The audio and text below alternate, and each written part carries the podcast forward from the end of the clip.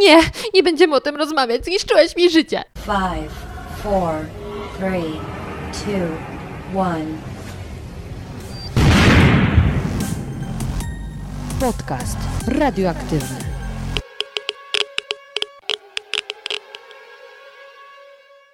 Dzień dobry, dzień dobry. Witam Cię w kolejnym odcinku podcastu radioaktywnego.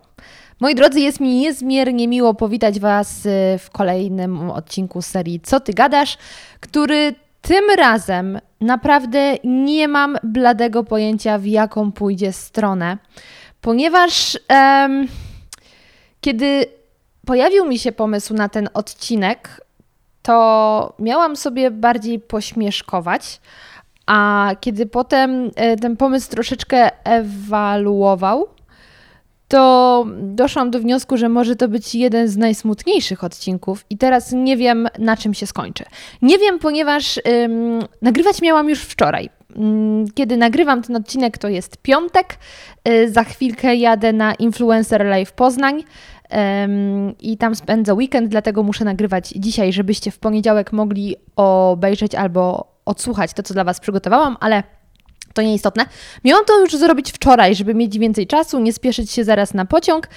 Natomiast skończyłam ostatni odcinek serialu, który postanowiłam obejrzeć w ramach takiego trochę przygotowania się do tematu i byłam tak, tak zniszczona emocjonalnie, że stwierdziłam, nie dam rady tego nagrać, albo inaczej, dam radę to nagrać, ale bardzo się obawiałam y, wydźwięku całego odcinka, a jednak odcinki lecą w poniedziałki i dla wielu jest to już wystarczająco depresyjny motyw, że jest poniedziałek, pierwszy dzień tygodnia, trzeba wracać do pracy, że nie chciałabym, żeby podcast tylko to pogłębił.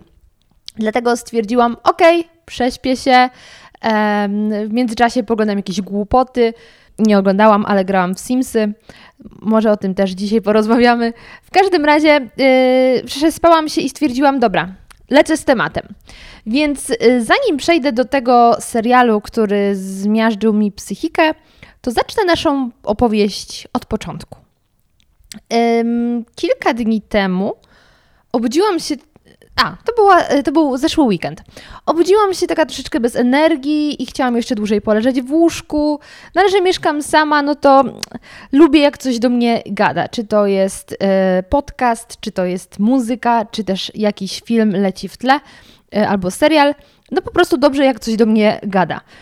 I stwierdziłam, ok, jest sobota na takie rozluźnienie się, może obejrzę na Netflixie jakąś komedię romantyczną, ale dla nastolatków, czyli umówmy się, film dla nastolatków. E, I trafiłam na film pod tytułem, teraz muszę sięgnąć do mojej ściągawki, jaki był tytuł. E, tytuł był Wynajmij sobie chłopaka. O tym filmie też usłyszałam, jak byłam w kinie na filmie After, o którym już Wam opowiadałam e, i był spoiler. Czy spoiler? Trailer um, tego filmu Wynajmij sobie chłopaka. Tam gra taki dość przystojny aktor, który jest to prawda ode mnie rok młodszy, ale ta już rok różnicy to powiedzmy jest wyrośnięty, to nie widać. Um, I stwierdziłam, dobra, no to sobotni, poniedzie- e, sobotni poniedziałek, sobotni poranek, lecimy z tematem. Włączyłam sobie ten film i podobał mi się. To znaczy, był ckliwy, był taki, jakie są filmy dla nastolatków, ale żeby zrozumieć, dlaczego ja czasem lubię poglądać takie filmy, to muszę Wam nakreślić troszeczkę historii mojej, e, która wygląda następująco. Ja mniej więcej od 16 roku życia bardzo, bardzo pragnęłam zostać modelką. I wszystkie moje mm, starania, moje zainteresowania, moja uwaga były poświęcone właśnie modelingowi, czyli temu, żeby najpierw wystarczająco schudnąć, żeby wyglądać jak szkieletor, a potem żeby znaleźć agencję, która pozwoli mi spełnić to moje marzenie o tym, żeby zostać modelką. I właściwie od pierwszej liceum bardzo dużo robiłam już w tym kierunku. E, opuszczałam też zajęcia w szkole, o czym nie wiedzieli nauczyciele, dlaczego mnie nie ma, bo wiadomo, że na usprawiedliwieniu było już tylko z powodów rodzinnych i pod tym może być zarówno pogrzeb, jak i zakupy we Wrocławiu. I opuszczałam jak gdyby życie szkolne. Nie uczestniczyłam w takim życiu towarzyskim, towarzyskim nie chodziłam za bardzo na imprezy. Miałam znajomych w klasie, ale nie były to przyjaźnie, takie jak są właśnie na amerykańskich filmach w liceach, że dziewczyny trzymają się razem, jedzą razem na stołówce. Ja w ogóle nie wiem, czy w polskich szkołach coś takiego występuje, bo no chyba nie mamy takich stołówek. W każdym razie. I to życie szkolne tak mi minęło niespostrzeżenie. Ważniejsze dla mnie było, żeby po szkole, nie wiem, zrobić research odnośnie e, tego, co dzieje się obecnie w świecie modelingu, czy pojechać właśnie na casting do innego miasta, co zajmowało mi zawsze cały dzień, bo z mojej miejscowości wszędzie jest daleko. I byłam e, na półmetku moim, byłam ale się specjalnie tam super nie bawiłam. Byłam na mojej studniówce, ale też w ogóle poszłam sama i było beznadziejnie. E, I to życie towarzyskie jakoś mi tak po prostu przeszło obok mnie. Wszyscy gdzieś tam korzystali z tego, że są piękni i młodzi, a mnie to specjalnie wtedy nie interesowało. I nagle zorientowałam się e, w wieku 22 lat, dwa lata temu się zorientowałam, że gdzieś mi uciekł moment, kiedy ludzie zaczynają dorastać, kiedy właśnie imprezują, dużo czasu spędzają z rówieśnikami. Jest taki trochę styl YOLO, czyli w tłumaczeniu żyje się tylko raz. Kiedyś mówiło się carpe diem, teraz się mówi YOLO, takie czasy. Dlatego też ja czasem lubię pooglądać takie filmy o nastolatkach, żeby trochę się wczuć w klimat, jak ludzie wtedy myślą, jakie mają problemy, bo nigdy właściwie nie były mi bliskie mm, problemy takich nastolatków przeciętnych. Nie mówię, że ja jestem jakaś nieprzeciętna, tylko um, nie przejmowałam się tym, że mam nieobecności w szkole i czy ja zdam do innej klasy, bo ja zawsze byłam trochę kujonką. Nie przejmowałam się, że nie mam z kim pójść na imprezę, bo nawet na bal, matu- y, tak, bal maturalny poszłam sama, więc nie czytałam też, znaczy nie wysyłałam też listów do rubryki w Brawo. Przyznaję, że w podstawówce z koleżankami lubiłyśmy czytać tę rubrykę, ale nigdy tam nie pisałam, bo nie miałam takich problemów. I, i dlatego właśnie mam taki sentyment do filmów o nastolatkach. Przepraszam za tą długą dygresję, ale chciałam Wam nakreślić troszeczkę kontekst, dlaczego takie rzeczy w ogóle oglądam. Um, i właśnie ten film, wynajmij sobie chłopaka, stwierdziłam, jest fajny, jest przerysowany, bo wszystko jest takie idealne, ale myślę, okej. Okay. I ponieważ, tak jak wspomniałam, ten aktor był całkiem przystojny i wysoki, co istotne, y, to obejrzałam sobie z nim kilka wywiadów y, z Jimmym Fallonem i u Ellen. E, I tam usłyszałam, że on wystąpił w jeszcze jednym filmie na Netflixie, który ma tytuł e, ma tytuł Do wszystkich chłopców, których kochałam. I ten film opowiada o szesnastolatce, zapamiętajcie ten wiek, szesnastolatce, która e, jest wielką romantyczką, czyta mnóstwo harlekinów i pisze potajemnie listy do chłopaków, w których się kochała. Potem jej młodsza siostra kradnie te listy i wysyła do adresatów. No i jak się historia dalej potoczyła, nie będę opowiadała, bo może ktoś e, jeszcze nie oglądał, a miałby taką ochotę. I oglądam sobie ten film no, ze względu na to, że był tam ten aktor, to znowu bardzo mi się podobało, ale uderzyła mnie jedna rzecz. Dobra, uderzyło mi kilka rzeczy, ale jedna najbardziej – że główna bohaterka, jak wspomniałam, ma 16 lat. Czyli ja w jej wieku, wiem, że to były inne czasy, to było już prawie 8 lat temu. Kiedy ja byłam w jej wieku, absolutnie tak nie wyglądałam i absolutnie się tak nie zachowywałam. Co mam na myśli, mówiąc pod kątem, tak się nie zachowywałam? Otóż ta dziewczyna mam wrażenie, że zachowywała się, jakby była już panią domu, taką matką, która musi się wszystkimi opiekować, która jest niezwykle poważna, która nie pozwala sobie na jakieś skrajne takie emocje, nagłe wybuchy, jak to jest u nastolatków. po prostu taka, no, no taka dorosła była. I jak nawet na nią patrzyłam, to też sobie pomyślałam, no kurna, ja w jej wieku tak nie wyglądałam. I mam nadzieję, że wy nigdy się nie dowiecie, jak ja w jej wieku wyglądałam, bo jak wspominałam w ostatnim odcinku, co ty gadasz, miałam kiedyś grzywkę. Um, nawet jej biust nie wskazywał na to, że ona może mieć 16 lat. No więc dzień dobry Google, y, Google wujek Google.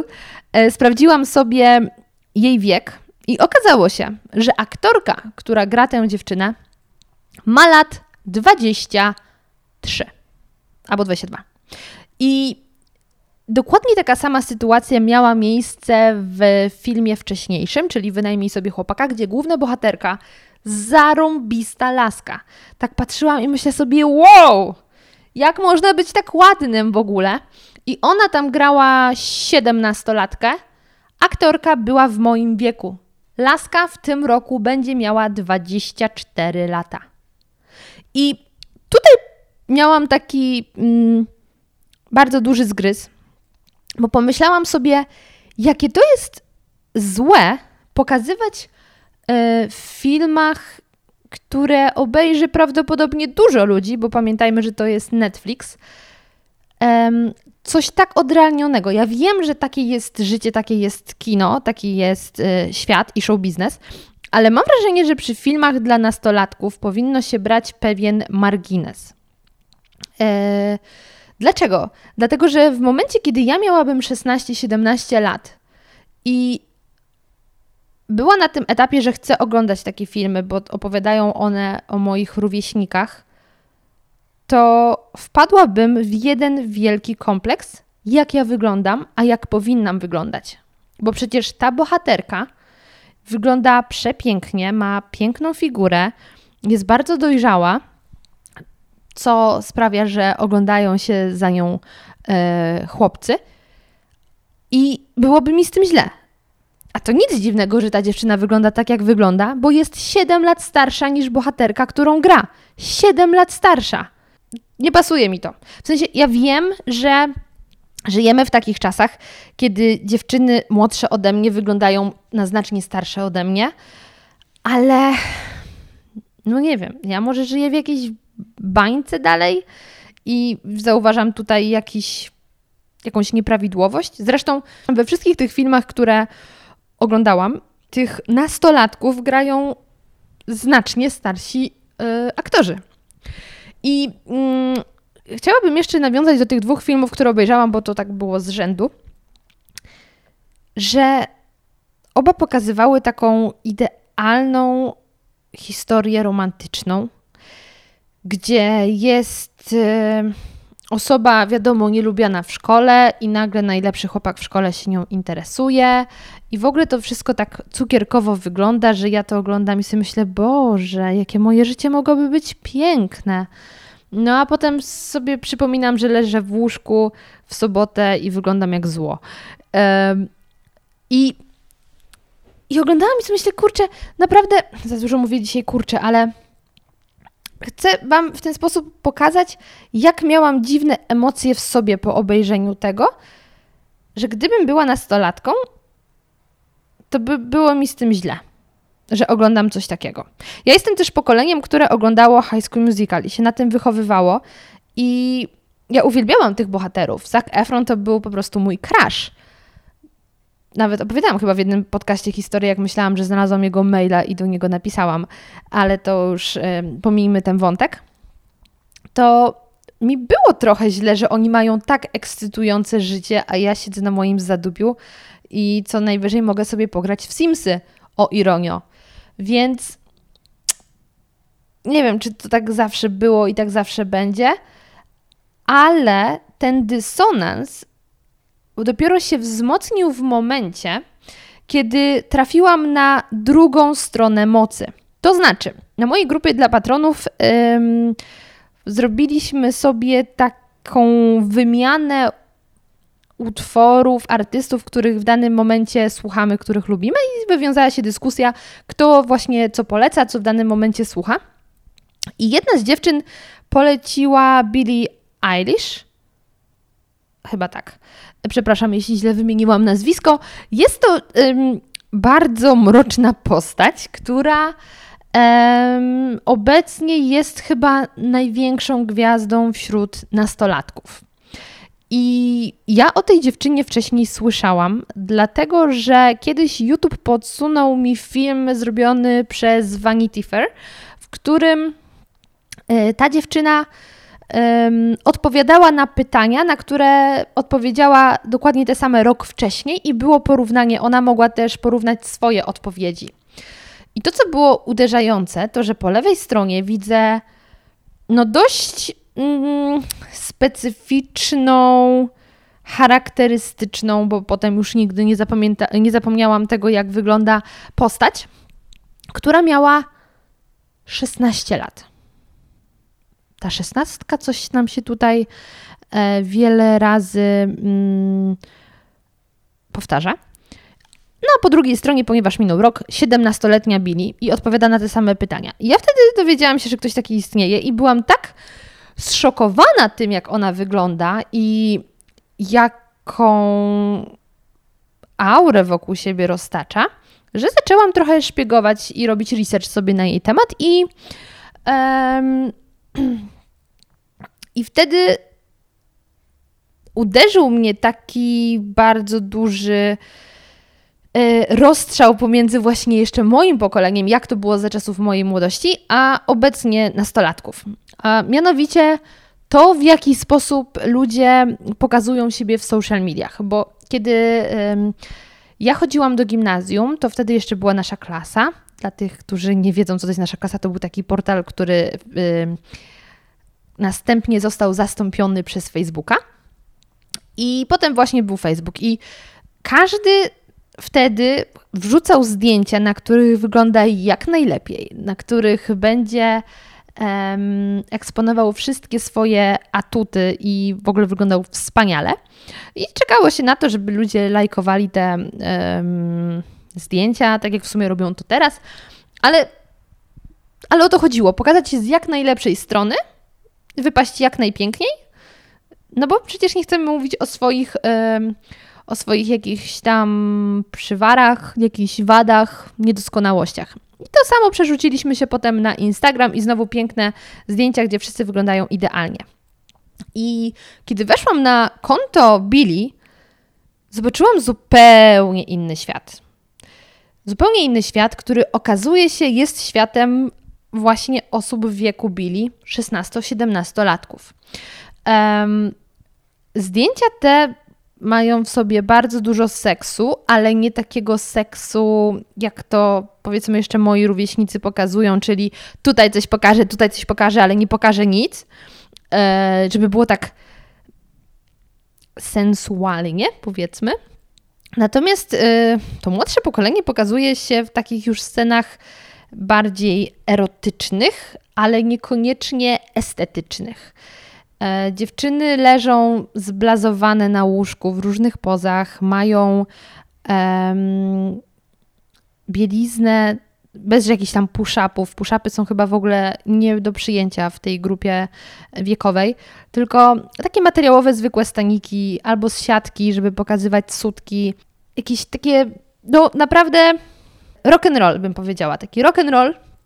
Do tego im bardziej masz zblazowaną twarz, tym lepiej, bo wszyscy tam właśnie robią takie twarzy, e, twarze, jakby dopiero wzięli jakiś kwas czy jakieś inne środki odurzające. W ogóle pozuje się z butelkami alkoholu, wszystko jest takie mroczne, takie trochę powrót do lat, nie wiem, 80., 70. Nie jestem najlepsza w takim określaniu wieku, ale to już było to już na pewno było i teraz jest tego powrót, bo właśnie tym takim cukierkowym y, czasie, kiedy moje pokolenie oglądało jeszcze High School Musical, teraz przyszło zupełnie inne mm, pokolenie, które no mam wrażenie, że oni jakby przeszli już totalnie y, rewolucję seksualną. Tam już nie ma tematów tabu, tam się mówi y, o wszystkim, pokazuje się wszystko i ludzie są z tym ok. I właśnie z tego konta Billy trafiłam na konto y, Noah Cyrus, która jest siostrą Miley Cyrus, czyli Miley Cyrus, Hannah Montana, dziewczyna, którą ja wielbiłam. znowu oglądałam ten piękny świat, gdzie ona jest gwiazdą i myślałam, Boże, chciałabym kiedyś cokolwiek znaczyć e, w jakimś szerszym, szerszej e, skali, większej skali niż znaczyć coś dla moich rodziców. I ja oglądałam Miley Cyrus, a teraz jest jej siostra Noah, która jest chyba kumpelą z tą Billy, więc znowu zdjęcia są w tym samym klimacie. I okej, okay, można powiedzieć, że to są tylko gwiazdy, ale mam kuzynkę w dość podobnym wieku i widzę, że to samo dzieje się na jej zdjęciach, czyli taki jest ogólny trend. No i tutaj e, wróćmy e, do tego wątku, że ponownie trafiłam na Billy, kiedy moi patroni polecili jeden z jej utworów. Włączyłam ten utwór, nazywa się Bad Guy i stwierdziłam, ej, on jest naprawdę dobry. Yy, taki, no, przemówił do mnie. O ile inne jej piosenki, takie często jakieś ballady, nie mówię, że takie romantyczne, ale takie mm, spokojne piosenki do mnie nie przemówiły, o tyle ten Bad Guy przemówił, natomiast poraził mnie teledysk. Nie byłam w stanie e, do końca ogarnąć, co tam się dzieje, bo tam w ogóle leci krew chyba z jej oczu, czy z jej nosa, z jej nosa leci krew i ona stoi, śpiewa, robi jakieś dziwne pozy, siedzi później na gościu, który robi pompki. No dużo się dzieje w tym teledysku, dużo się dzieje. Nie trafił on do mnie. Oglądanie go z jednej strony mnie fascynowało, a z drugiej strony czułam taki bardzo duży dyskomfort. Być może o to chodziło. Zresztą, e, jak już potem posłuchałam trochę wywiadów z Billy, to okazuje się, że ona właśnie wyznaje zasadę, że nie sztuką jest wyglądać ładnie, tylko sztuką jest robić sztukę. Że sztuka nie musi być piękna, tylko ten wyraz ma być mocny. I tutaj pewnie dochodzimy do tego, że ja ogólnie nie rozumiem sztuki. E, ja chyba mam za sobie, w sobie zbyt mało tego rodzaju kreatywności czy wrażliwości, żeby sztukę rozumieć, ale szanuję, że ona idzie taką drogą. E, no i wtedy właśnie też e, znowu chciałam się nieco więcej na jej temat dowiedzieć. Trafiłam na jeden artykuł w polskim Wogu, który był poświęcony fenomenowi e, tej dziewczyny. Chyba artykuł z 2018 roku, z początku, który zastanawiał się, w którym e, autor zastanawiał się, czy Billy to jest gwiazda obecnej popkultury, myślę, że można tak powiedzieć. Czy jest to bardziej, czy jest to odkrycie, jest to jakiś taki ewenement, czy jest to bardziej e, produkt taki marketingowy, produkt pod nastroje wśród nastolatków? Bo to, co autor zaznaczał w tym e, artykule, to że Billy w swoich utworach porusza wiele motywów związanych, wiele wątków związanych z śmiercią, z jakimś morderstwem, chyba też y, takie wątki y, jakiegoś samookaleczania się, Tutaj mi się przypomniały y, Blok 27 i Avril Lavigne. One wtedy się wydawały takie mroczne. Czasy się zmieniają. No dobra, w każdym razie. I konkluzja była taka, że to jest odpowiedź na nastroje wśród nastolatków, które niestety są depresyjne. Że młodzież jest bardzo teraz zdepresjowana, ma depresję Um, I Bini dokładnie wyraża albo odpowiada temu, co oni mogą czuć, i dzięki temu mogą się z nią utożsamiać. I jako dowód na to, że rzeczywiście ta jej e, twórczość jest taka mroczna, e, smutna i tak dalej, było powiedziane, że dwa jej utwory były posłużyły jako ścieżka dźwiękowa do serialu Netflixa 13 powodów z 2017 roku. Ja o serialu 13 powodów słyszałam już wielokrotnie. Nawet y, polecała mi go y, Paulina, dziewczyna mojego brata. I tak rozmawiałyśmy, mówię, wiesz co, chyba nie za bardzo jestem przekonana, no jakoś nie do końca czuję ten temat, więc chyba podziękuję. Tym bardziej, że skoro wszyscy o tym mówią, to tak średnio wtedy mnie to interesowało. E, no i chyba stąd się właśnie bierze fakt, że ja wszystko odkrywam później, bo kiedy o czymś jest głośno, to jakoś tak mnie to nie interesuje za bardzo. I ja wolę to odkryć w momencie, kiedy będzie na to właściwa pora, czyli albo przypadkiem na to trafię, albo e, poczuję potrzebę albo ciekawość, żeby coś sprawdzić. I tak się stało tym razem. Postanowiłam wreszcie dowiedzieć się, czym jest ten serial 13 powodów, który y, opowiada o Hanie Baker, dziewczynie, która ma 17 lat. Patrzcie, znowu 17. Ona popełniła samobójstwo. Przed tym, jak skończyła swoje życie, podcinając sobie żyletką e, żyły w wannie, e, nagrała 13 kaset nie wideo, tylko takich magnetofonowych, takich oldschoolowych, na których zdradza 13 powodów, 13 e, osób też, które przyczyniły się do jej decyzji, e, przez których finalnie postanowiła odebrać sobie życie. No i ten serial składa się z 13 odcinków, e, na których wyjaśnia, co się wydarzyło, i oglądamy tą, tę historię właściwie od samego początku do końca. I ja po obejrzeniu pierwszego odcinka doszłam do wniosku: szlak. To jest gruba historia, która teraz dopiero wzmocniła mój dysonans w stosunku do filmów, o których Wam przed momentem y, opowiadałam. Bo oglądałam tam cukierkowe życie szesnastolatki, która jest jakaś idealna, jest niezwykle dorosła jak na swój wiek. E, tutaj przejmuje się tym, że pocałowała chłopaka. Tutaj e, ktoś się przejmuje, że ten chłopak, e, że w ogóle w jednym z tych filmów, właśnie z tym e, do pięciu chłopaków, co wysłała te listy, to tam jest taki case, że oni spisują pakt taką umowę, że będą teraz udawali, że są parą, żeby tam wzbudzić zazdrość w swoich drugich e, potencjalnych połówkach. Potem ta dziewczyna wścieka się, będzie jednak spoiler, przepraszam. Ta dziewczyna wścieka się na tego chłopaka, że on spędził noc w pokoju swojej byłej. Finalnie się okaże, że nic tam złego nie robili, e, ale to, że on tam spędził noc, to w ogóle ona była oburzona, zdradzona, E, i nie mogła z nim już rozmawiać. On oczywiście on chciał się wytłumaczyć, ale ona mu nie pozwoliła, tylko pobiegła. Czy wy w prawdziwym życiu, jeśli ktoś chce z wami pogadać, to naprawdę odwraca, odwracacie się napięcie i wychodzicie? Ja nieraz byłam wkurzona, ale nigdy nie zdarzyło mi się, że ktoś do mnie mówi, ja mówię, nie, nie będziemy o tym rozmawiać, zniszczyłeś mi życie. No, tak się chyba nie robi, nie? W sensie, może ja się mylę, ale mam wrażenie, że no, jednak się rozmawia to w modzie na sukces, na sukces też zawsze mnie uderzało, że oni rozmawiają i przechodzą z jednego miejsca w pokoju do drugiego i wtedy odwracają się plecami. I kiedy coś e, się właśnie usłyszą, co jest nie po, nie po ich myśli, to przechodzą w drugi kąt i wtedy ta osoba musi za nią podejść. Czy wy kiedykolwiek tak z kimś rozmawialiście? Kurczę, ja może mam za małe mieszkanie, że tu nie ma gdzie przechodzić i prowadzić takich dyskusji. W każdym razie, wracając do tego filmu, i potem, kiedy oni. Będzie wielki spoiler, przepraszam, ale na koniec filmu oni oczywiście zostają parą, bo jakby mogło być inaczej, skoro on się w niej tak zakochał i od początku ten plan, żeby spisać pakt, był tylko sposobem, żeby się do niej zbliżyć, bo on był w niej zakochany, bla, bla, bla.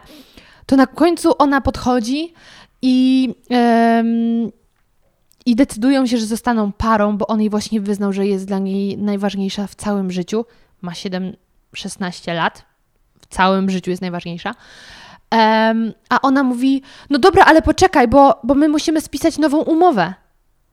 On mówi: Nie, no chyba żartujesz, nie potrzebujemy już żadnej umowy. God damn it! Ta szesnastolatka zachowuje się jak stara maleńka. W sensie, no naprawdę momentami ona tam ma młodszą siostrę. Miałam wrażenie, że ona jest matką, że ona praktycznie wychowuje swojego ojca. A potem gościu zostaje jej chłopakiem i ona stwierdza: O Boże, my musimy spisać na piśmie, co możemy robić, czego nie możemy robić. Serio? I wracamy teraz do serialu 13 powodów. I jak obejrzałam ten pierwszy odcinek, w którym bohaterami są 17-latkowie, czyli dzieli ich różnica wieku od tego, co oglądałam w tym filmie o wszystkich moich pięciu chłopakach, to zrozumiało, wtedy tak mnie uderzyło, jak skrajnie jest przedstawiona młodzież i jak skrajne poruszane są tematy. I wtedy pomyślałam, to jest dobry temat do podcastu. No ale obejrzałam do końca ten serial, który właśnie on mnie sprowadził mnie do parteru i sprawił, że ja wczoraj czułam się, jakby przejechała po mnie betoniarka. A najpierw w środku mnie tam wytelepało. Bo kurde, ja oglądałam już e, różne filmy, w których była pokazana przemoc i różne tego typu rzeczy, ale żaden mnie tak chyba nie poruszył. W tym serialu są pokazane bardzo dobitnie y, sceny gwałtu na dwóch siedemnastolatkach. Są, jest pokazane dosłownie pokazane, jak ona podcina sobie te żyły. Są pokazane emocje rodziców, którzy nie są w stanie zrozumieć, co stało się z córką, co się stało z ich córką, dlaczego ona odebrała sobie życie, bo w ogóle rodzice tej dziewczyny wystosowali pozew przeciwko szkole, że szkoła dopuściła do samobójstwa tej dziewczyny, że nikt nie podjął działań, żeby jej pomóc, bo przecież oni musieli wiedzieć, że coś jest nie tak. I przyznaję, że chyba właśnie e, przez cały serial, przez te 13 odcinków najbardziej uderzały mnie emocje tych rodziców, którzy widać, że ta matka nie miała żadnych kolorów na twarzy. Ona była wrakiem człowieka. To była, to była postać, której nie było życia.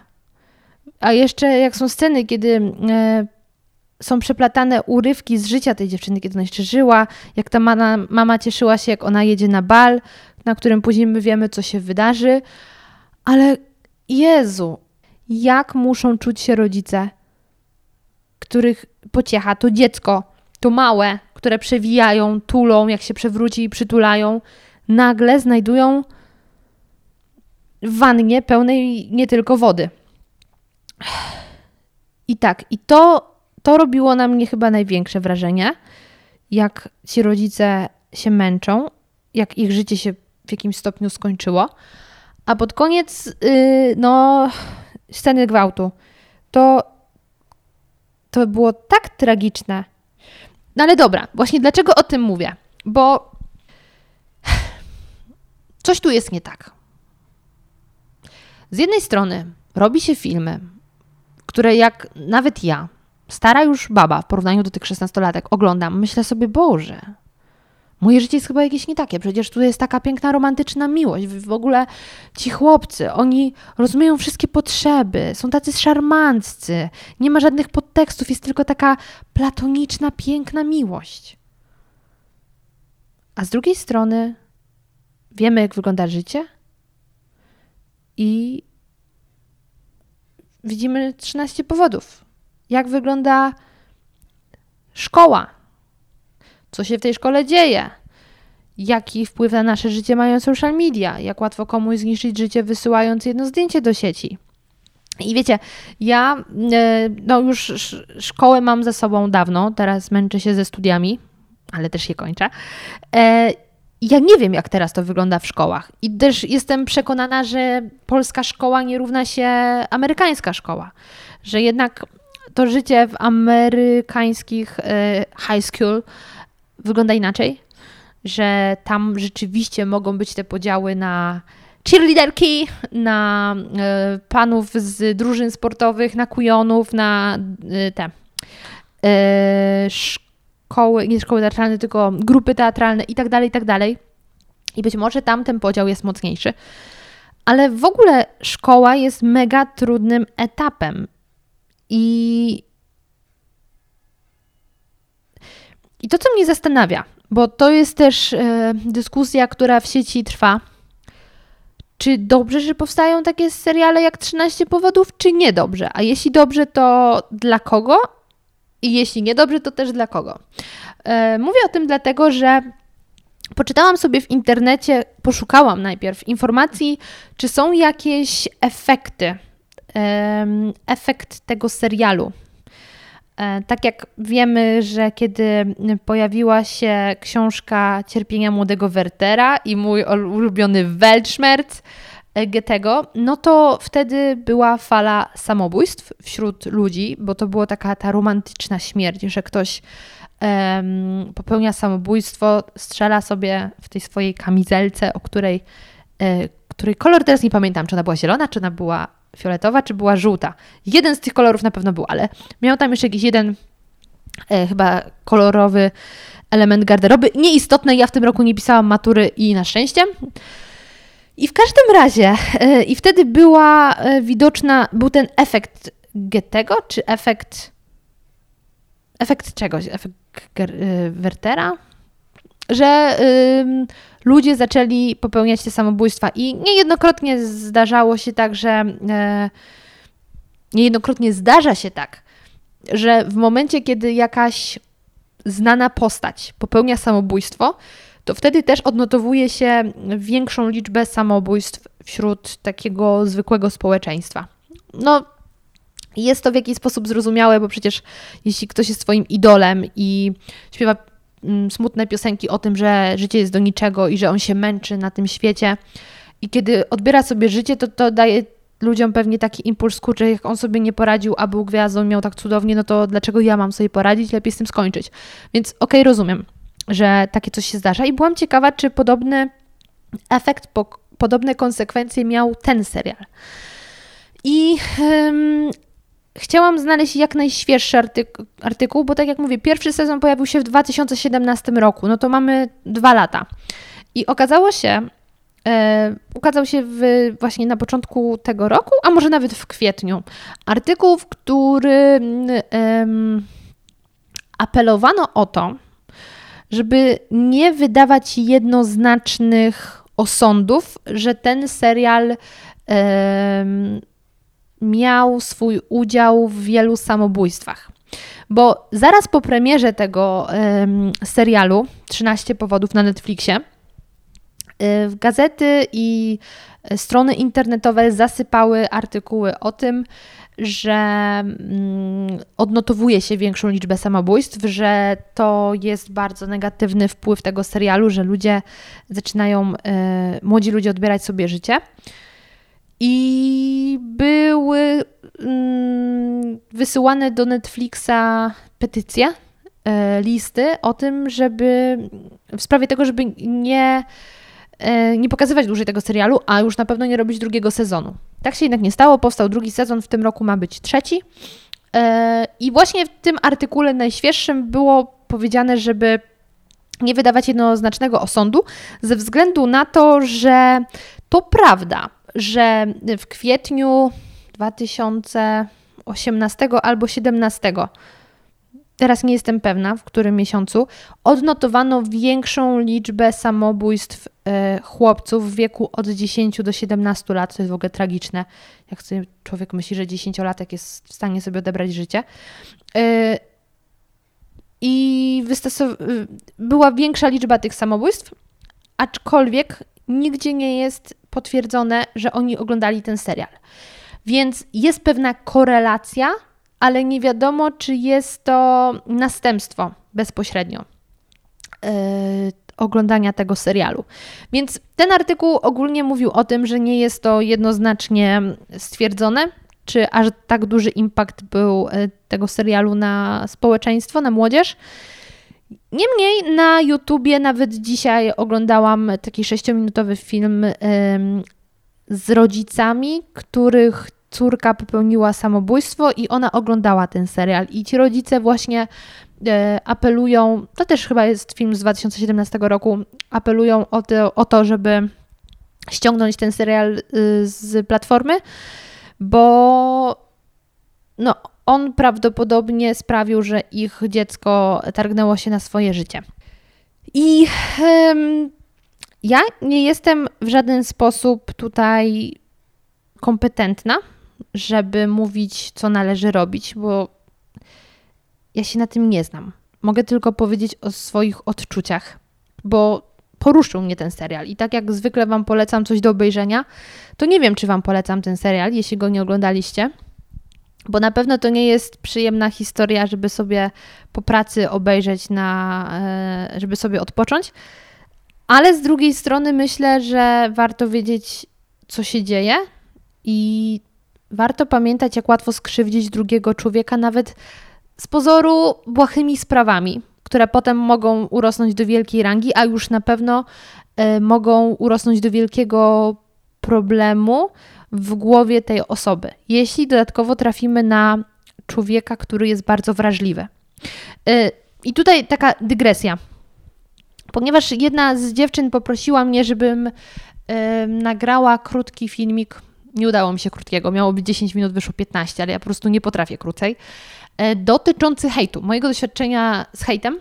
Ja tam nagrałam ten filmik, nie będę Wam teraz opowiadała, co tam dokładnie mówiłam.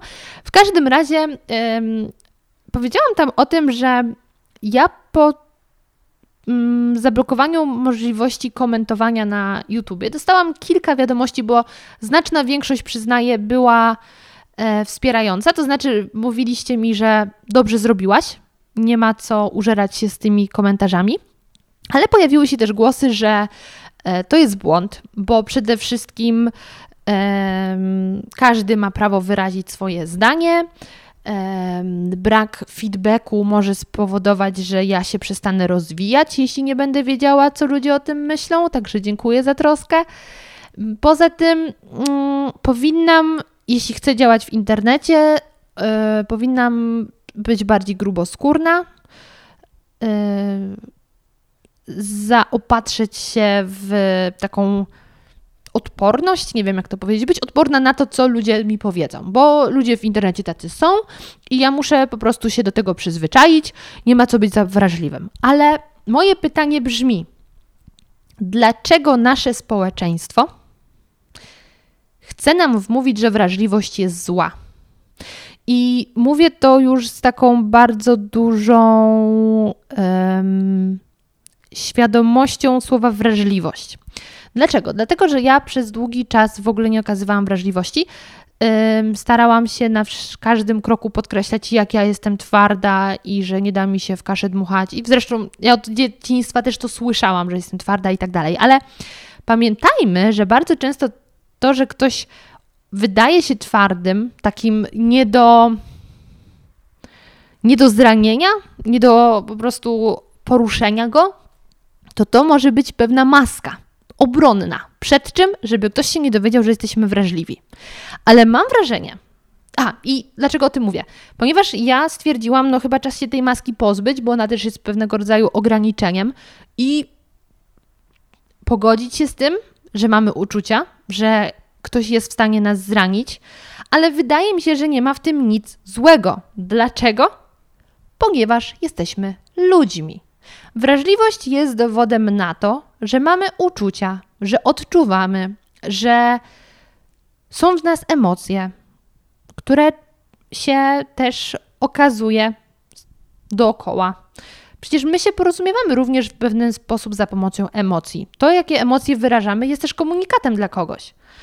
I mam wrażenie, że yy, takie piętnowanie wrażliwości jest czymś okropnym, bo przecież kto nie ma emocji? Nie zwierzęta. Zwierzęta mają emocje. Przecież doskonale wiecie, kiedy wasz pies czy kot jest szczęśliwy, a kiedy jest smutny, kiedy źle się czuje yy, i kiedy jest zły. U zwierząt doskonale widać emocje. Emocji nie mają roboty. Sztuczna inteligencja. No więc fantastycznie. Udało nam się stworzyć coś, co nie ma emocji, co jest zimne, yy, ma umysł matematyczny, algorytm jest najważniejszy, emocje idą w odstawkę.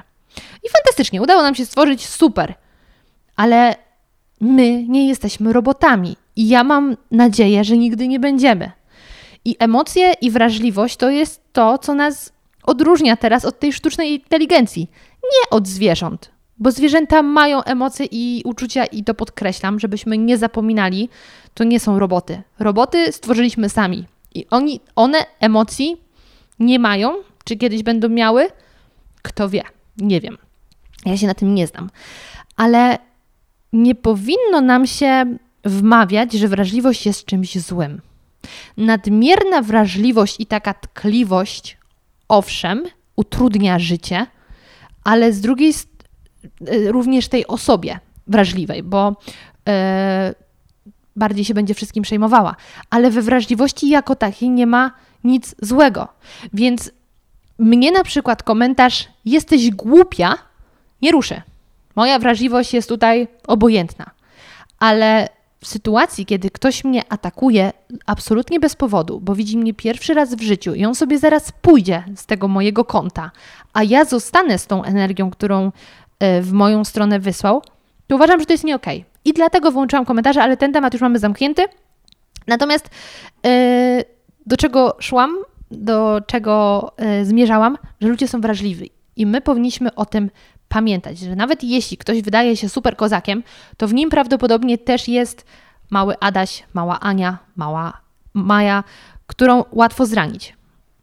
I to właśnie też moim zdaniem pokazuje ten serial, żebyśmy pamiętali o tym, jak kogoś łatwo zranić. I jeśli ten człowiek ma dodatkowo inne problemy, o których my nie wiemy, to może się to skończyć tragicznie. I, um, I to jest powód, dla którego myślę, warto obejrzeć serial.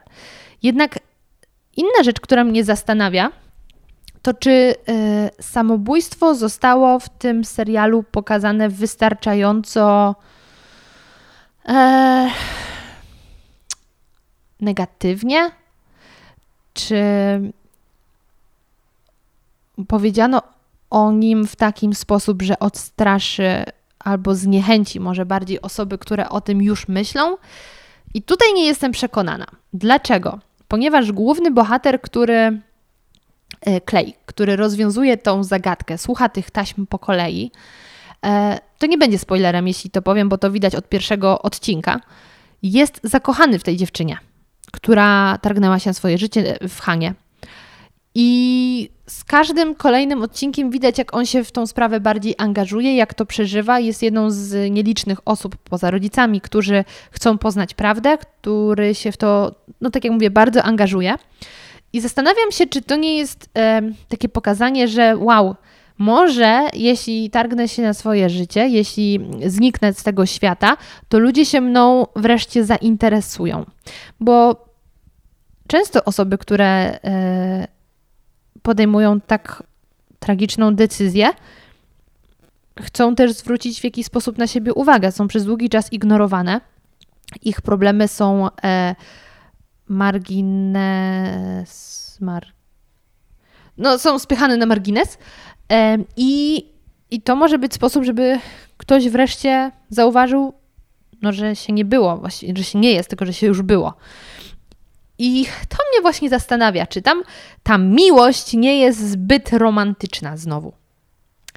Ale tak jak mówię, ja nie jestem tutaj osobą wystarczająco kompetentną, chociaż myślę, że mało kto jest. Bo finalnie to my i tak nie wiemy, co siedzi w głowie tej osoby, która ma problem. I jedyne co, moim zdaniem, i to też jest taka.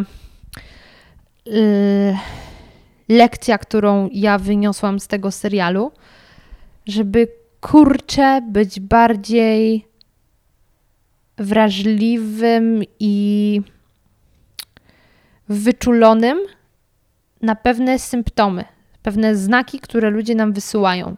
Bo oczywiście można powiedzieć, że ktoś panikuje, ktoś wyolbrzymia on co chwilę ma jakiś problem. I są takie osoby, które co chwilę panikują, a za 10 minut już jest git, tak?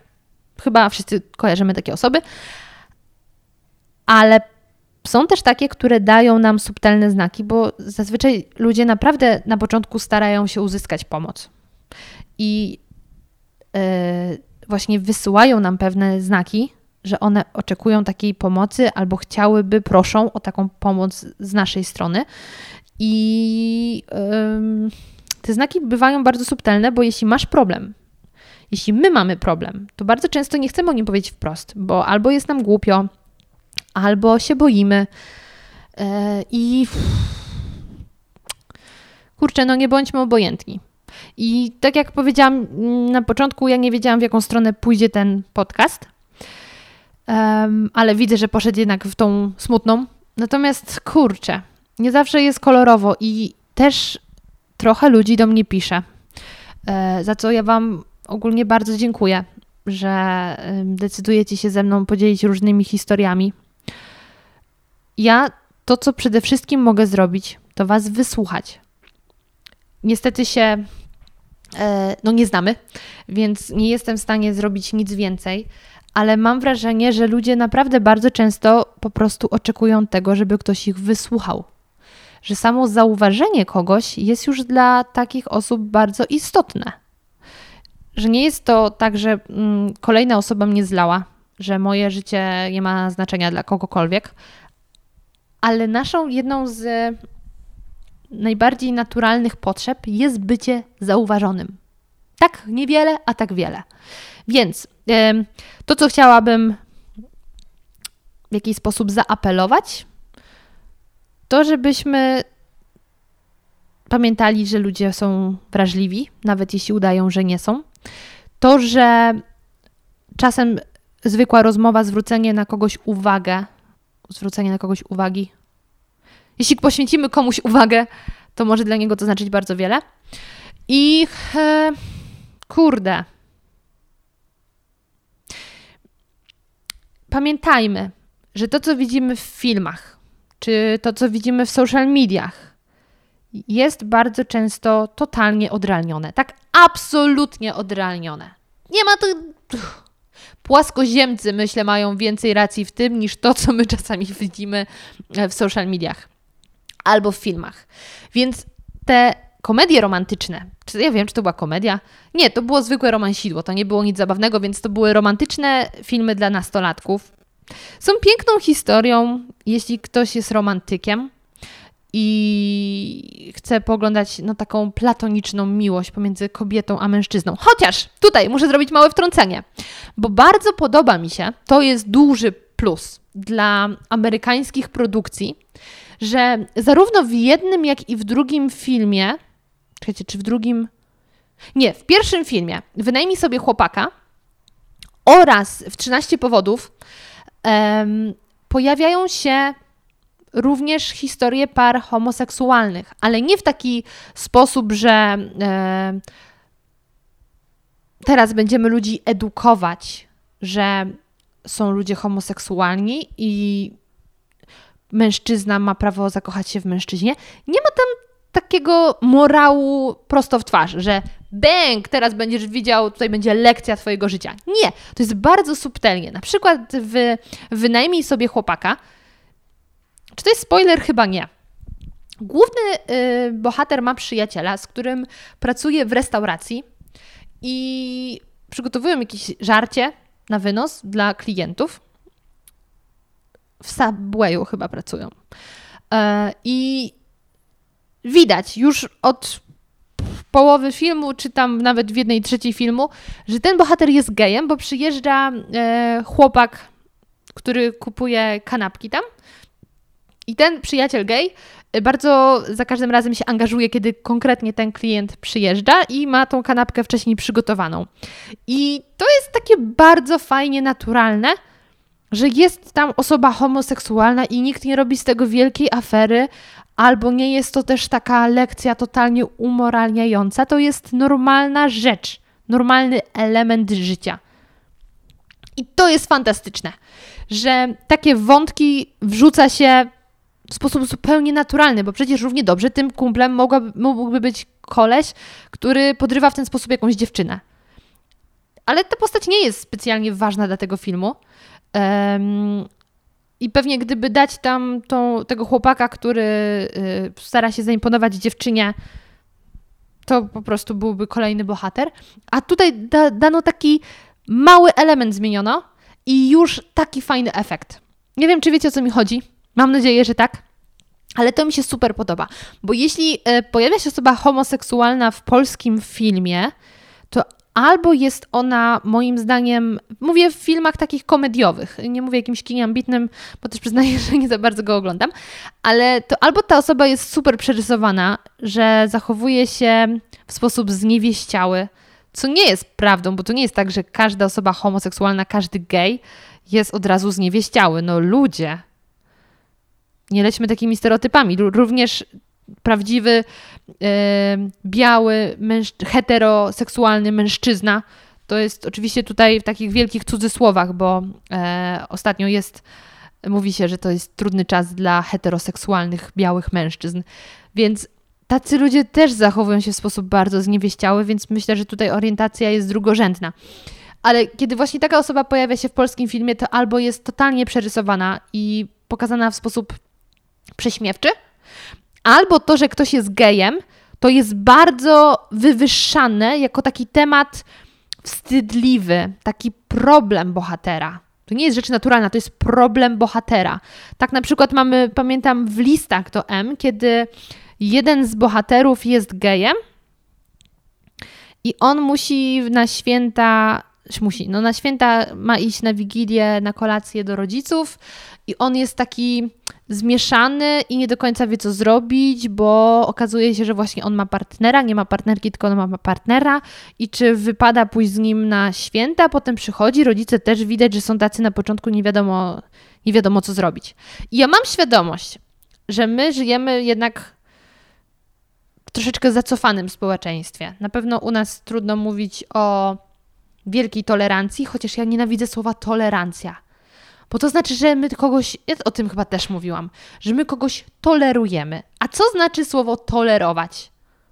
Toleruję na przykład nieprzyjemny zapach, czyli jestem w stanie znieść, że on tutaj jest, chociaż wolałabym, żeby go nie było. To znaczy tolerować.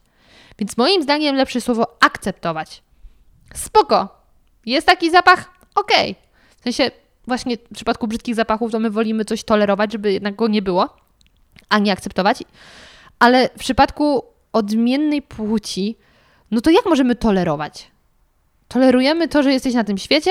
Akceptuję, że jesteś na tym świecie i super, nie mam z tym problemu.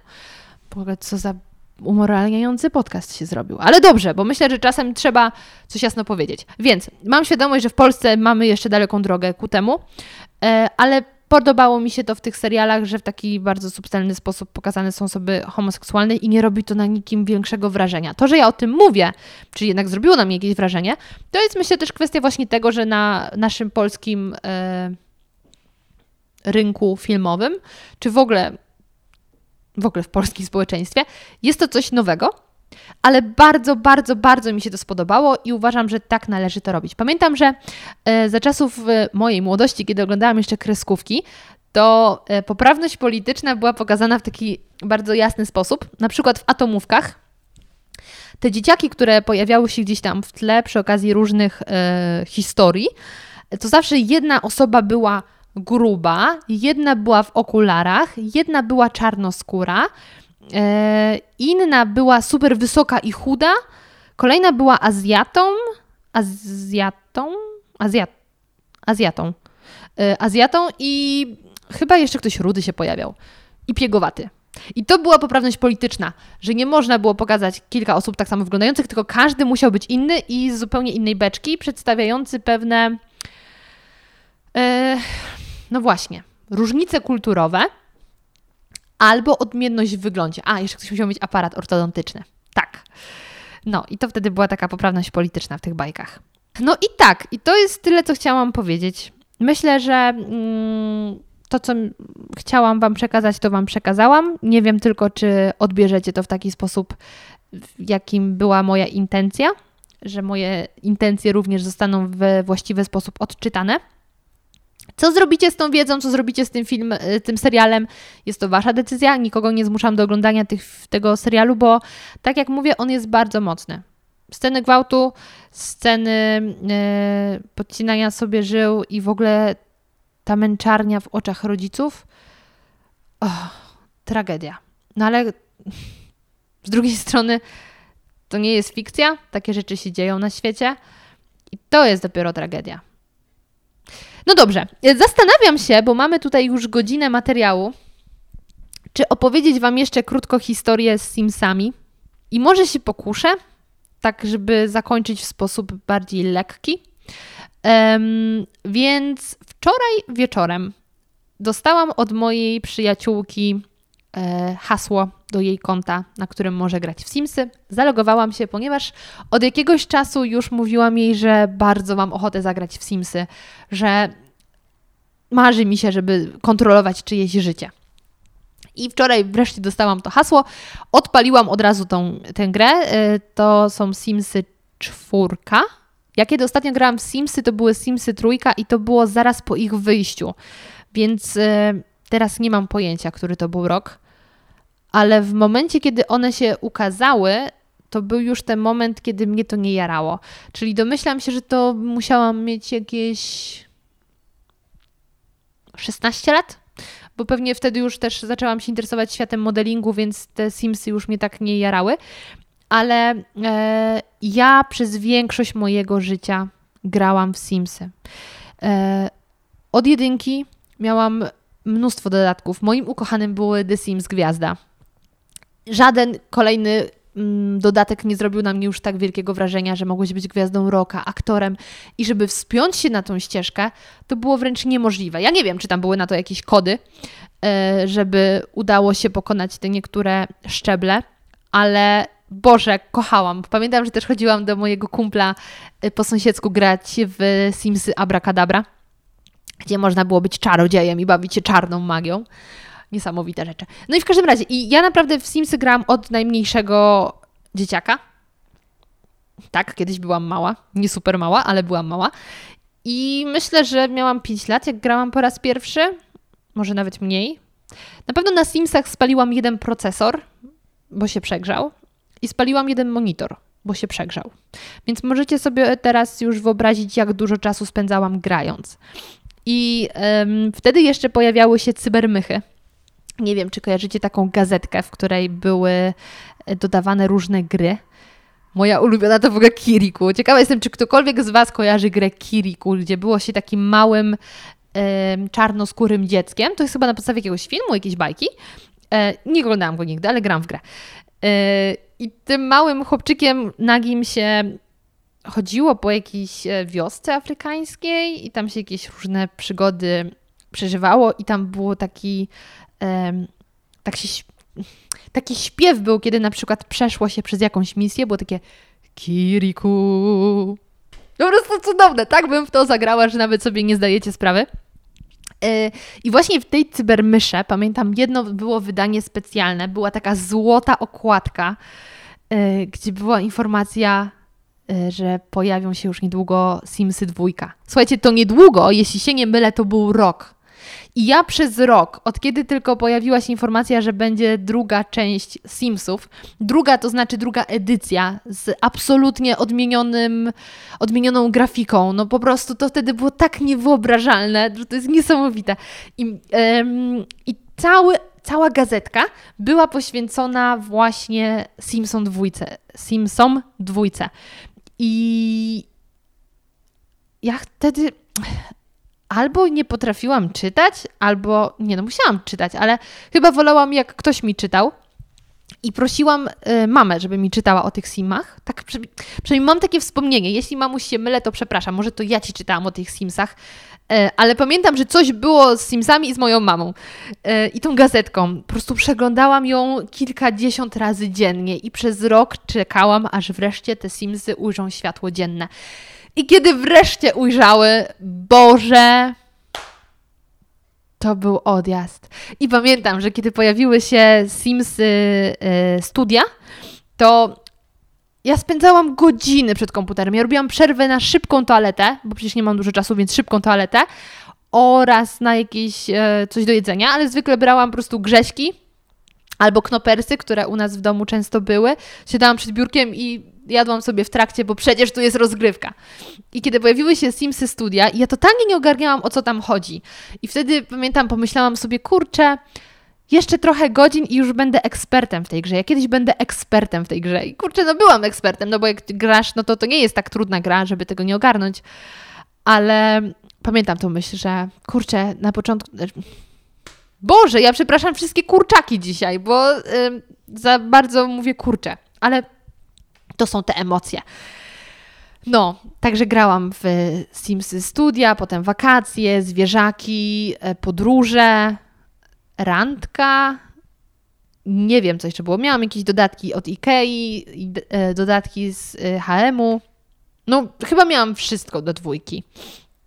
I potem przyszła informacja, że pojawią się Simsy trójka i byłam mega podjarana, bo była informacja, że one wreszcie będą mogły chodzić po mieście. I to było niewyobrażalne, że będę mogła chodzić do innych, spotykać się w parku, robić niesamowite rzeczy. No po prostu szaleństwo. I kiedy były już w, sprzed- w przedsprzedaży, to można było zamówić edycję kolekcjonerską, która obawiam się kosztowała 80 albo 100 zł więcej, e, gdzie dostawało się jakiś kod dostępu do tej platformy internetowej, bo to po raz pierwszy wtedy Simy chyba były, e, miały dostać taką specjalną platformę internetową. I do tego dostałam też taki pendrive w kształcie tego zielonego czegoś nad głowami simów. Nie wiem, jak to się nazywa poprawnie. W sumie to jest śmieszne, że gram, że spędziłam na tej grze, w tej, grając w tę grę tyle lat i nie wiem, jak nazywa się to coś. Nie wiem. W, każdym razie w kształcie tego był pendrive i e, dostałam grę dwa dni przed oficjalną premierą, bo wtedy właśnie te kupione w przedsprzedaży przychodziły i się niesamowicie jarałam do momentu, kiedy włączyłam tą grę i stwierdziłam, ups, to już chyba nie to. Chyba już mnie to nie kręci. E, I wydaje mi się, że wydało mi się to wtedy takie zbyt zaawansowane technologicznie, że było już tyle możliwości, że ja się zaczęłam gubić. I wtedy też ym, moje życie zaczęło być bardziej interesujące niż tylko siedzenie w domu i granie w grę bo właśnie zaczynałam już wtedy w modeling. E, jeździłam na różne castingi, więc spotykałam osoby, które kiedyś znałam tylko z telewizji. W sensie spotykałam, mijałam. Nie, że zostali moimi przyjaciółmi, nic z tych rzeczy, ale no gdzieś ten świat zaczął wydawać się ciekawszy niż ten um, wirtualny. No i moja przygoda z Simami skończyła się na jakieś 10-8 lat. Nie wiem, trudno mi teraz powiedzieć nie no, chyba, chyba przesadziłam. No, ale z 8 lat, 8 to na pewno.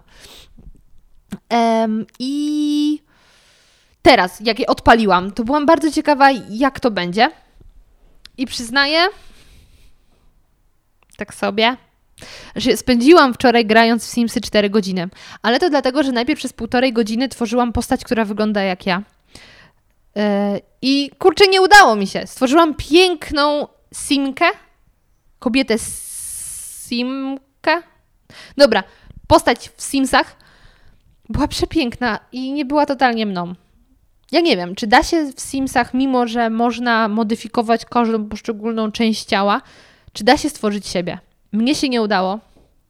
I doszłam do wniosku, że mimo, że patrzę w lustro jakieś 23 lata, bo zakładam, że rok się nie rozpoznawałam w lustrze, to ja nie mam pojęcia, jak ja wyglądam, jakbym miała stworzyć siebie. I to jest śmieszne, że moi rodzice mnie stworzyli taką, jako, jaka jestem, a ja nie potrafię siebie stworzyć w grze komputerowej. Także moi rodzice, moi drodzy, szanowne, gratulacje. Mnie się nie udało stworzyć człowieka. No, ale tak, długo siebie tworzyłam, e, nie wyszłam z tego ja, a potem zaczęłam grać. I po chwili zaczęło mi brakować hajsu, więc oczywiście weszło mod Herlode Y, kody się nie pozmieniały, tyle dobrego. Y, I wtedy pomyślałam, o, to akurat, boż, to akurat jak w prawdziwym życiu. Hajs się szybko kończy. No a potem chciałam z niej zrobić komiczkę i po drodze urodziły się jej dzieci, to już w ogóle, to już przestało być moje życie. E, nie wiem, jakoś tak mnie to znudziło. Tym bardziej, że nie wiem dlaczego. Czy to jest kwestia tylko, że to gram jakoś przez w jakiś sposób przez internet, czy nie, ale w trójce właśnie można już było chodzić po mieście, a nagle w czwórce nie można. W sensie możesz odwiedzać różne parcele, ale nie jest to tak jakoś, wydaje mi się, fajnie zrobione jak w jedyn... w, trójce. Może, może moja pamięć tutaj szwankuje, ale wydaje mi się, że można było bezpośrednio chodzić. A tutaj trzeba tylko się przemieszczać w sposób taki przenieść na parcelę, a nie, że tam przejść. Ale nie wiem, może, może się mylę. Każdym razie e, wniosek tej wczorajszej gry był taki: Wow, jestem na takim etapie w swoim życiu, że moje prawdziwe życie wydaje się bardziej fascynujące niż gra w Simsy. To znaczy, mam naprawdę dużo znajomych. Jak grałam jeszcze za czasów szkolnych, to nie miałam tych znajomych tak dużo, bo dobra, miałam znajomych ze szkoły, ale też jeśli chodzi o jakichś takich bliskich, bardzo bliskich znajomych, przyjaciół, to nie bardzo. E, więc Simy, Simy były moimi przyjaciółmi, jak bardzo patologicznie to nie brzmi. W tym momencie mam fajnych ludzi dookoła, z którymi mogę naprawdę się spotkać. E, poza tym moje życie zawodowe też mam nadzieję nabierze rozpędu i będzie ciekawsze. E, aspiracją w Simsach, jaką teraz sobie wybrałam, było bycie popularnym. I ona tam sobie wymyśliła, żeby urządzać najlepsze imprezy, więc nad tym totalnie muszę popracować, e, ale planuję imprezę. Ale to najpierw muszę się obronić, żeby było co świętować. Ale jakąś względną społeczność własną mam. I to jest fantastyczne. I w ogóle bawi mnie, jak ktoś mi mówi, że jestem rozpoznawalna albo popularna. Ziomy. Serio? Nie jestem. Małgosia Rozenek jest popularna. Makademian jest popularna. Ludzie, którzy mają 10 tysięcy obserwatorów na Instagramie są już bardziej popularni ode mnie. Ale bardzo miło, że tak myślicie. Niemniej, bardzo doceniam to, że życie jest ciekawsze niż Simsy. I fajnie od czasu do czasu sobie być Bogiem i decydować o tym, jak ktoś żyje. Wirtualny, nieprawdziwy. Nie chciałabym decydować o prawdziwych życiach ale jednak lepiej się wylogować i to, co możemy zrobić w grze, zrobić w prawdziwym życiu. Mój sim musiał się nauczyć grać na gitarze. Kiedyś też próbowałam, nic z tego nie wyszło, ale mogę próbować na innych instrumentach, więc nie musi tego robić mój sim. No i zresztą, jak przyszło do wyboru sylwetki, to stwierdziłam, dobra, to mam być ja. No to na pewno nie będzie ona wysportowana i piękna, umięśniona, wyrzeźbiona, taka I to też mi dało do myślenia, kurde, teraz te 4 godziny zamiast siedzieć przed komputerem, mogłabym właśnie pójść na siłownię i zrobić tą sylwetkę. Także, reasumując, e, na koniec chyba nie będę Wam polecała już żadnych rzeczy do obejrzenia, ponieważ e, oglądałam właśnie te filmy, ten serial. Obejrzałam co prawda jeden film dokumentalny, bo jaki mogłam obejrzeć. I polecam go dla ludzi, którzy lubią dokumenty albo lubią tego typu historie. Muszę sprawdzić tylko tytuł, bo nie pamiętam. E, a jeśli go szybko nie sprawdzę, bo nawet nie pamiętam, czy on był na HBO, czy był. O Boże, oglądałam jeszcze jeden film dokumentalny. Oglądałam film pod tytułem. E, The Real Sleeping Beauty i to jest o dziewczynie, która po 20 latach w śpiączce się obudziła. Mało radosna historia.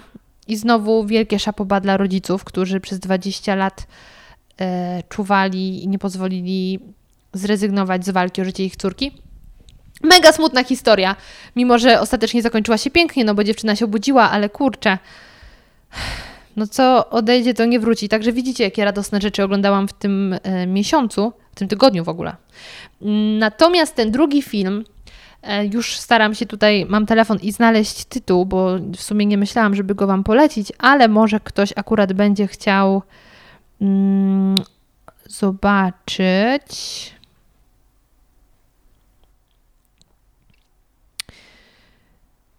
Nie znajdę.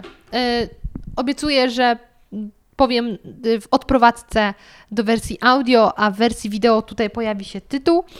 E, był to film o kobiecie, która oszukała, wyrolowała Dolinę Krzemową, e, obiecując i wkręcając ludziom, że jest w trakcie tworzenia e, maszyny, która zrewolucjonizuje przemysł medyczny nie wiem, czy tak można powiedzieć, gałąź medyczną, bo to miało być takie urządzenie, które e, sprawi, że nie będziemy musieli już pobierać krwi, żeby zrobić badania, że będzie się to oddawało w jakiś o wiele przyjemniejszy sposób i będzie to robione od ręki. E, to chyba w jakiejś formie ampułki miało w ogóle być.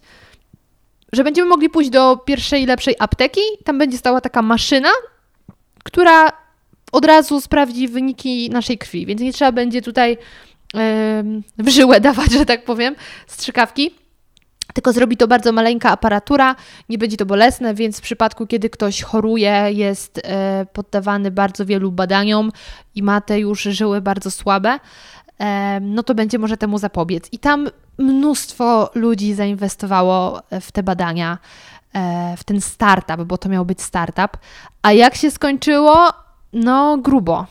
Niesamowita historia, e, która też może w jakiś sposób dać taką wskazówkę, wskazówkę, może takie, taką lampeczkę, że się nam zapali, e, żeby też, nawet jeśli ktoś mówi o pięknych rzeczach i bardzo wiele osób e, to wspiera autorytetów, to żeby mieć na względzie, że niektóre rzeczy mogą nie wyjść, albo niektórzy ludzie mogą mieć problemy psychiczne, które sprawiają, że są odrealnieni, że inaczej interpretują rzeczywistość. Tak jak było to w przypadku tej kobiety. Bardzo ciekawy dokument. On trwa godzinkę albo półtorej godzinki. Ja się dobrze bawiłam, bo wiecie, że ja lubię tego typu filmy, także polecam. Tytuł podam na koniec, e, a na YouTubeku się wyświetli tak jak obiecywałam. I to tyle. Mm, zastanawiałam się jeszcze, czy poruszyć temat, o którym opowiadałam, o którym rozmawialiśmy w ostatnim odcinku, więc może w sumie króciutko podsumuję podcast dotyczący czytania książek. Sporo osób do mnie napisało. Wiele e, z Was e, wskazywało na to, że książki rozwijają wyobraźnię i to jest prawda. To jest rzecz, która zdecydowanie rozwija wyobraźnię czytanie książek. Więc e, o tym nie wspomniałam, ale jak najbardziej tak.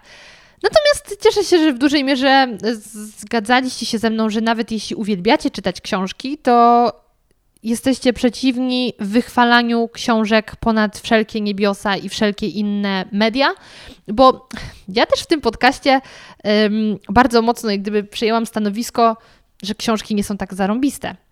Chociaż ja czytam książki, czytam i mam kilka historii, które e, zapadło mi bardzo mocno w pamięć i nawet teraz kupiłam dwie książki. E, jedna to jest e, historia Michelle Obamy, którą chętnie przeczytam.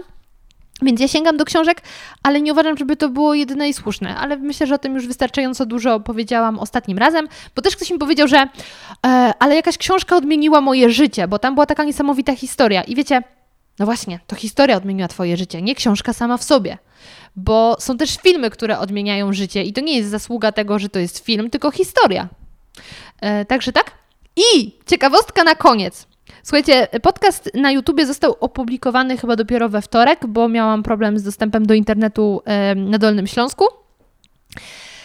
I w, dzień później, dwa dni później, e, youtuberka Niszka, która opowiada o psychologii społecznej, zrobiła, e, zrobiła odcinek o dokładnie takiej samej tematyce.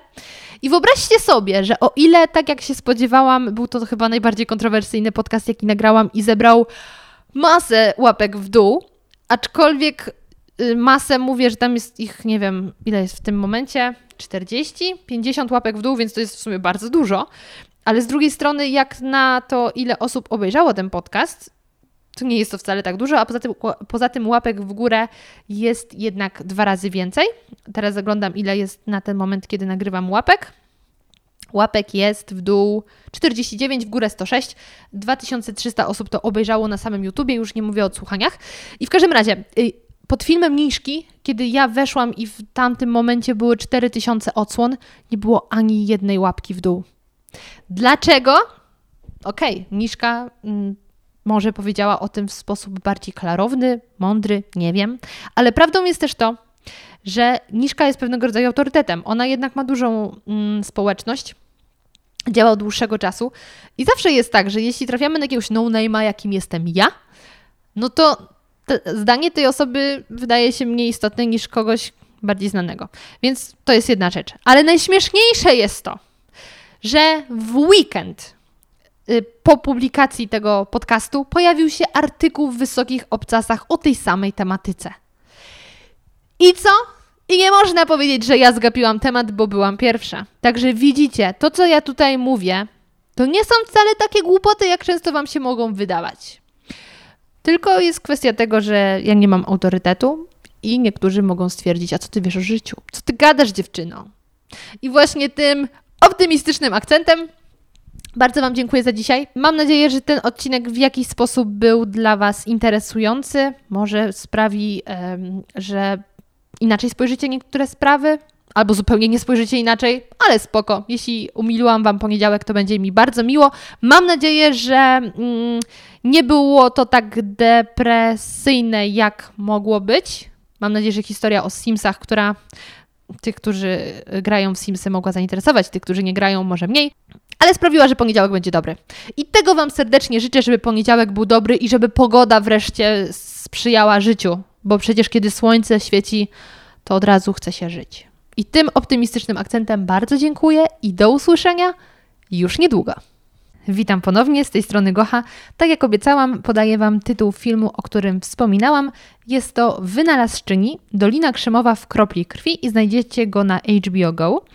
Um, I przy okazji, skoro już wróciłam do Was z przyszłości, z przeszłości, Dobra, nagrywam to po tym, jak skończyłam nagrywać główny podcast, to chciałam Wam przypomnieć, że znajdziecie mnie na Instagramie zmaczne.go, na Facebooku podcast, reaktyw, y, podcast radioaktywny e, ukośnik Zmacznego, na Twitterze ma Zmaczyńska, a także możecie do mnie napisać maila podcastradioaktywny.